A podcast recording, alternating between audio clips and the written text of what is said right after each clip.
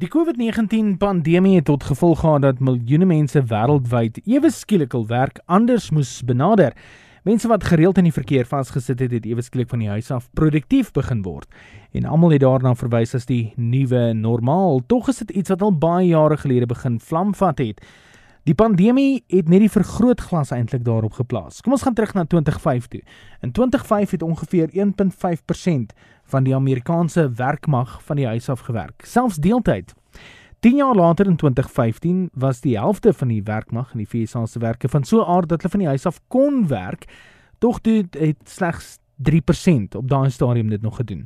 In 'n onlangse peiling wat gedoen is in die VSA tot 80% van die respondente aangedui dat hulle van die huis af sou werk al is dit net deeltyds, met ander woorde so 1 of 2 dae per week.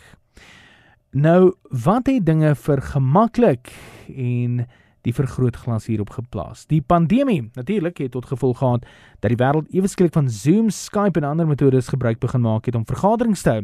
Zoom se aandeleprys het die hoogte ingeskiet as gevolg van die toename in gebruikers met Skype wat ook 'n herlewing in gebruikers begin ervaar het. Microsoft Teams het ook in die mengsel ingekom met hulle weergawe van Zoom tegnologie. Nou, hoe lyk die toekoms?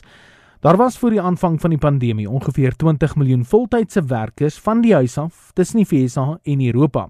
Nou die raming is dat die syfer tot ongeveer 100 miljoen sal klim teen die einde van die dekade. Navorsing wat gedoen is in die VSA alleen bepaal dat daar op 'n kantoorwerker wat moet ingaan werk toe ongeveer 18000 dollar spandeer word in die VSA terwyl die syfer na 2000 dollar toe sak as hy van die huis af werk.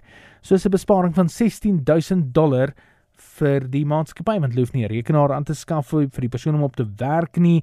Dan hoef nie koffie verskaf te word nie, die waterpunte hoef nie verskaf te word nie. Besparing van ongeveer 16000 dollar. O, en die internet kan daar ook ingesluit word.